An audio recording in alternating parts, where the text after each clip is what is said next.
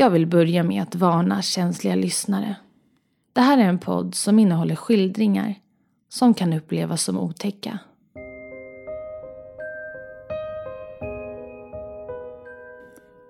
–1965, Indiana, USA. Ta mig härifrån, snälla ta mig härifrån, mumlar den 16-åriga flickan medan hon försiktigt börjar knäppa upp sin blus. Vad är det som tar sån tid? Ryter kvinnan från vardagsrummet. Darrandes kliver flickan fram. Hon har inga kläder på sig längre och i hennes hand håller hon en tom Coca-Cola-flaska i glas. Kvinnan tittar upp på den nakna flickan med ett flin på läpparna och pojkarna sittandes bredvid henne fnissar. Tårarna börjar rinna ner från flickans kinder när hon inser vad hon måste göra. Sakta för hon glasflaskan mot sitt underliv. Fortsätt, vrålar kvinnan. Det här är berättelsen om mordet på 16-åriga Sylvia Likens, flickan som torterades till döds. Du lyssnar på Värsta morden. Det här avsnittet är skrivet av Lisa Törnlöf.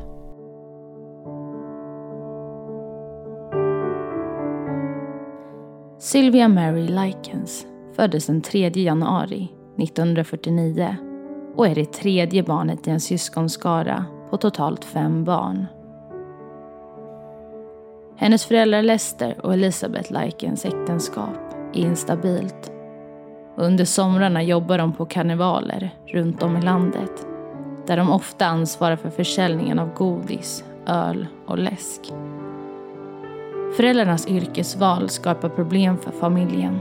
Bland annat flyttar de ofta och har svåra ekonomiska problem. Föräldrarna är oroliga över sina yngsta döttrar, Sylvia och Jennys ständiga närvarande vid karnevalerna. Och detta resulterar i att de ofta bor hos sin mormor. Där kan de fokusera på sitt skolarbete under tiden som resterande delen av familjen reser runt med karnevalen. Under tonåren tjänar Sylvia pengar genom att barnvakta, springa ärenden eller utföra sysslor åt grannar och bekanta. Hon ser alltid till att ge en del av pengarna som hon tjänar till sin mamma, Elisabeth. Hon beskrivs som en trevlig, självsäker och livlig flicka med långt, vågigt ljusbrunt hår. Hon saknar en av sina framtänder som hon råkade slå ut som barn. Därför ler hon alltid med stängd mun. Dessutom beskrivs hon som beskyddande. Speciellt när det kommer till hennes yngre syster Jenny som är betydligt mer blyg och osäker.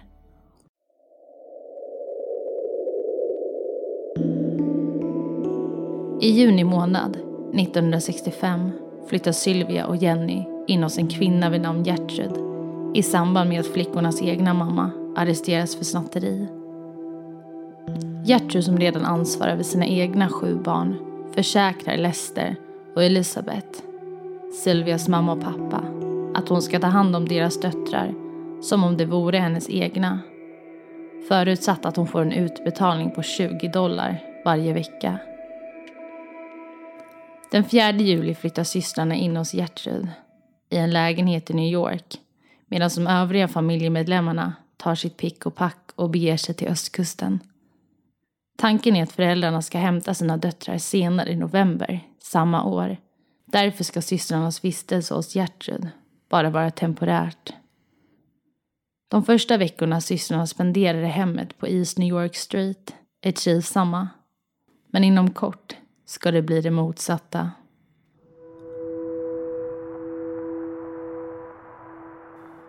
Allting börjar när Lester är sen med veckobetalningarna.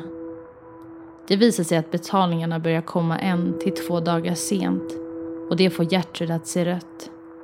Sin ilska tar hon ut på de stackars systrarna genom att smiska dem med olika objekt för att sen påstå att hon tagit hand om två snorungar i en hel vecka för ingenting. Vid ett tillfälle anklagar Gertruds äldsta dotter, Paula, systrarna för att de har tagit för sig på de kyrkliga middagarna. Därför bestraffar Gertrud systrarna genom att smiska dem totalt 15 gånger med en paddel. I augusti senare samma år börjar Gertrud fokusera majoriteten av misshandeln på Sylvia.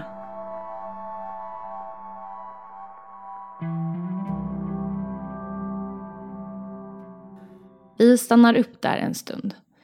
Motivet för misshandeln kan man bara spekulera i. Vissa hävdar att det som är mest sannolikt är att Gertrud var extremt avundsjuk på Sylvia och hennes utseende. Andra påstår att Gertruds hårda liv och livsvillkor resulterade i ett psykiskt sammanbrott. Det finns också teorier om att våldet var en extrem form av missbruk där Gertrud riktade sitt vrede mot just Sylvia. Men vi ska gå vidare och lyssna på resten av berättelsen.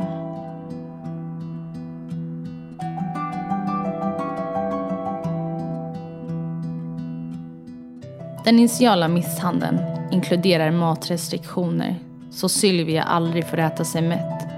Vilket gradvis leder till att Sylvia får äta rester och utgången mat från soptunnan. Vid ett annat tillfälle anklagar Gertrud Sylvia för att ha snattat det godis hon precis köpt. Bara för att få ännu en anledning till att bestraffa flickan. En dag berättar Sylvia för en av Gertruds döttrar, Paula, att hon har en pojkvän. Paula är vid den här tidpunkten gravid i tredje månaden. Hon är avundsjuk på Sylvias slanka utseende. Paula sparkar henne hårt i könsorganet och anklagar henne för att vara gravid. En annan gång, vid en middag, tvingar Gertrud Sylvia att äta en korv med överflöd av senap och starka kryddor. Detta resulterar i att hon kräks för att sedan tvingas äta upp det som hon spytt upp. Vid ett annat tillfälle slår Paula Sylvia i ansiktet med sån kraft att hon bryter sin egna handled. När handleden är gipsad upphör inte misshandeln utan Paula fortsätter att slå Sylvia regelbundet. Dessutom brukar Gertrud tvinga Jenny att slå sin egna syster och om hon inte gör som hon blir tillsagd blir hon självslagen. Gertrud börjar successivt anklaga Sylvia för att vara lösaktig och prostituerad. Hon bjuder gärna in allt från grannpojkar till skolkamrater för att både verbalt och fysiskt plåga Sylvia. Och vid ett tillfälle bränner de henne över hundra gånger med cigarettfimpar och skadar hennes könsorgan. En dag stjäl Sylvia gymnastikkläder från skolan eftersom Gertrud vägrar att köpa kläder till henne. När Gertrud får reda på det här så förbjuder hon flickan att gå till skolan. Sylvia bestraffas med smisk, denna gång med ett brett polisbälte.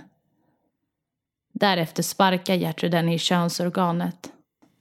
Och när Stephanie, Gertruds 15-åriga dotter, plötsligt försöker försvara Sylvia genom att skrika Hon gör ju ingenting.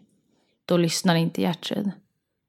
Istället börjar hon bränna Sylvias fingerspetsar med en tändare och påstår samtidigt att hon bara ska bota Sylvia från sina klibbiga fingrar. Efter denna händelse börjar rökarna i familjen fimpa sina cigaretter på Sylvias kropp för att påminna henne om att hon inte ska stjäla. På grund av både den fysiska och psykiska misshandeln vågar inte systrarna Likens berätta vad som pågår i hushållet. De är rädda att det ska förvärra deras problem. Så när flickornas föräldrar är på besök visar ingen av dem några synliga tecken på att det skulle vara någon fara. Gertrud och hennes barn är också alltid närvarande under besöken. Vid föräldrarnas sista besök hos familjen vänder sig Gertrud till Sylvia strax efter föräldrarnas avfärd och säger Vad ska du göra nu Sylvia? Nu när de är borta? Vi stannar upp där ett tag.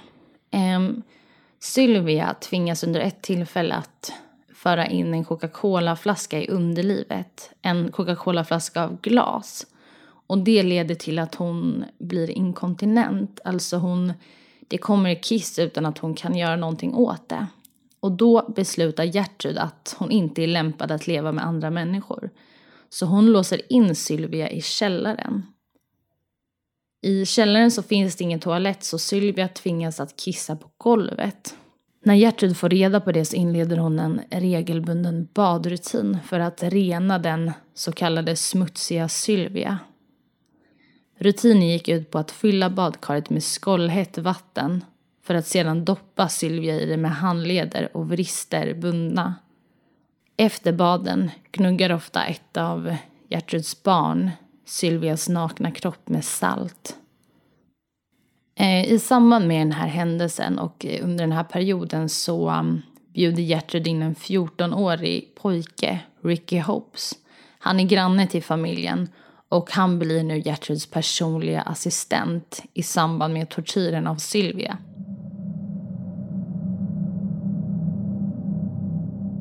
Gertruds barn, John och Paula, förvandlar Sylvias redan misär till en grotesk affär och börjar ta betalt av grannbarnen för att få verbalt misshandla henne, putta ner henne för källartrappen och hålla fast henne när hon vägrar att bada.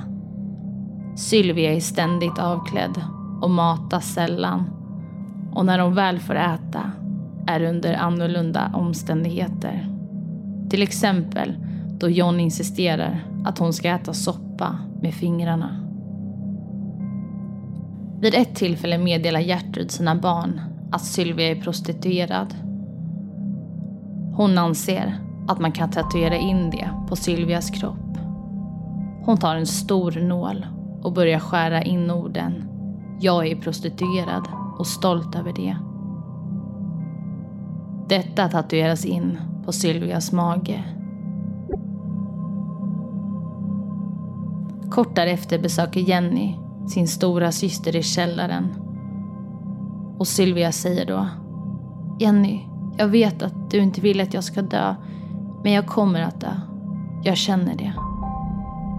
Dagen då Gertrud inser att Sylvia skulle kunna dö tvingar hon henne att skriva ett brev som påstår att ett gäng pojkar ristat in de hemska orden på hennes mage och att Sylvia ska rymma iväg med pojkarna. Om något skulle gå snett är det Gertruds plan att använda brevet för att rädda sitt eget skinn. Vid ett tillfälle under systrarnas vistelse hos Gertrud lyckas Jenny kontakta deras äldre syster Diana som var gift och hade en egen familj. Jenny beskriver rädslorna som hon och Sylvia upplever i huset och ber Diana att kontakta polisen. Diana tolkar det som att Jenny inte klarar av att bli tillrättavisad och att allt mest bara är påhitt, så hon ignorerar brevet. När Diana väl kommer för att besöka sina systrar vägrar Gertrud att släppa in henne. Hon påstår att deras pappa, Lester, har instruerat henne att inte låta Diana träffa sina systrar. När Diana ifrågasätter henne hotar Gertrud med att ringa polisen och få henne arresterad. Diana går därifrån och istället gömmer hon sig i närheten av huset tills hon får syn på Jenny och springer fram. Jenny berättar för sin äldre syster att hon inte får säga vad som händer i huset för då kommer hon att hamna i trubbel. Efter det kopplar Diana in socialtjänsten och när en socialarbetare anländer till hemmet meddelar Gertrud att hon har sparkat ut Sylvia ur huset för att hon är prostituerad och att hon sedan dess har varit på rymmen. Genom hot får Gertrud tyst på Jenny som inte vågar berätta för socialtjänsten om misshandeln och Sylvias välmående. Socialarbetaren återvänder till sitt kontor där hon lämnar in en rapport som säger att inga fler samtal behövs. I takt med att Sylvias mående blir värre och värre planerar Gertrud att ta henne till en närliggande sopcontainer och lämna henne där för att dö. När Sylvia får reda på detta springer hon mot ytterdörren. Men i sitt lemlästa tillstånd rör hon sig alldeles för långsamt så att Gertrud hinner ta tag i henne och föra henne tillbaka in i huset. Gertrud sätter sig ner på Sylvia i köket och ger henne en rostmacka. Sylvia försöker äta den men lyckas inte svälja då hon är så pass uttorkad. Detta resulterar i att Gertrud tar ner gardinstången och slår till Sylvia i käken med den. Sen tar hon ner Sylvia till källaren igen och binder fast henne. I ett sista försök till överlevnad försöker Sylvia under natten och morgontimmarna uppmärksamma grannarna om hennes situation genom att slå på källargolvet med en järnspade. Grannarna rapporterar senare att de övervägde att ringa polisen. Men de gjorde aldrig det. Den 26 oktober planerar Gertrud att ge Sylvia ännu ett bad. Stephanie och Ricky bär upp henne till övervåningen och placerar henne i badkaret. Kort därefter inser de att hon inte andas. Stephanie försöker ge Sylvia hjärt och lungräddning, men det är för sent. Familjen ringer till polisen och när polisen anländer är Gertrud brevet hon hade iscensatt och som Sylvia hade diktaterat. Men mitt i allt viskar Jenny till en av poliserna, Sylvias syster. Ta mig härifrån så ska jag berätta allt. Det hela slutar med att Gertrud arresteras för mord, inklusive några av hennes barn. Några av barnen arresteras också för personskada, men släpps senare. Obduktionen av Sylvias kropp visar att hon har över 150 stycken separata sår över hela kroppen. Dessutom var hon extremt undernärd vid tidpunkten då hon dog. Hennes skador inkluderar brännskador, allvarliga blåmärken, omfattande muskelskador och nervskador. Hennes underliv är svullet och hennes naglar böjda bakåt. Vid hennes död hade Sylvia bitit igenom sina egna läppar.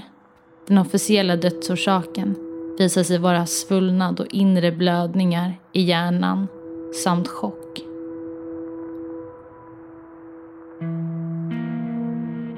Rättegången mot Gertrud inleds i april 1966.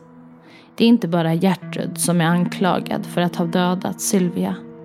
Det är även hennes två barn, John och Paula, samt hennes dåvarande pojkvän Ricky Hobbs och grannpojken Coy. Åklagaren yrkar på dödsstraff för samtliga inblandade, inklusive John och Coy, som är 13 år respektive 14 vid tidpunkten. Under förhandlingarna berättar Gertrud. Jag är inte säker på vilken roll jag hade i det hela. För jag var drogpåverkad. Jag kände henne inte. Jag tar fullt ansvar för vad som hände med Sylvia. Paula, Gertruds dotter, tvingas avbryta sitt deltagande i rättssalen då hon ska föda barn. Barnet döper hon senare till Gertrud. Det finns många vittnen. Gertrud brukade berätta för hela grannskapet att Sylvia Likens var prostituerad och en bråkig flicka. På falska grunder dock. I rättssalen vittnar även Gertruds dotter Marie. Till en början verifierar hon allt som sin mamma har påstått. Innan hon plötsligt skriker Gud hjälp mig och erkänner att allt är en lögn. Och därefter berättar hon i detalj hur hennes mamma och syskon har torterat Sylvia till döds. Maries vändning mot sin egen familj väger tungt i den slutliga domen. Gertrud döms till mord av första grad och får livstidsfängelse. Detta chockerade medborgarna i Indiana som många trott att Gertrud skulle tilldelas dödsstraff.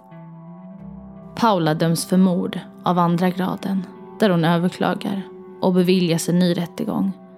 Men innan den andra rättegången han tar fart erkänner hon sig skyldig till dråp och avtjänar tre års fängelse. John, Ricky och Coy döms också för dråp.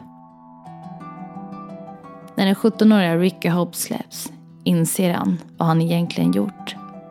Han får ett nervöst sammanbrott. Han börjar kedjeröka så kraftigt att hans lungor kollapsar vid 20 års ålder och kort därefter avlider han i lungcancer. Gertrud överklagar sin dom och beviljas en ny rättegång. Hon döms återigen skyldig men får sitt straff tidsbegränsat till 18 års fängelse. Under hennes vistelse i fängelset beskrivs hon som en utmärkt fånge som blev som en mor för de yngre kvinnorna. Hon fick därför smeknamnet mamma i fängelset. Nyheten om Gertruds nya dom upprör många. Under loppet av två månader samlar familjen Likens och två organisationer in 4 500 underskrifter från medborgare i Indiana med krav om att Gertrud ska hållas bakom galler längre än 18 år. Och det var den berättelsen. Gertrud släpps fri den 4 december 1985 och flyttar då till en annan delstat med en ny identitet. Hon dör av lungcancer år 1990. År 1972 frisläpps Paula och hon flyttar också till en annan del av landet under ett nytt namn. Hon börjar jobba som lärarassistent men avskedas ganska kort därpå då ledningen får anonyma tips om hennes egentliga identitet. John byter namn till John Blake och börjar jobba som lastbilschaufför innan han blir fastighetsmäklare. Han arresteras inte igen. Han gifter sig och får tre barn och dör i maj 2005, då 52 år gammal. Det här brottet har kallats det mest fruktansvärda brottet som någonsin begåtts i Indiana och ett halvt sekel senare är dess titel detsamma. Tack för att du har lyssnat.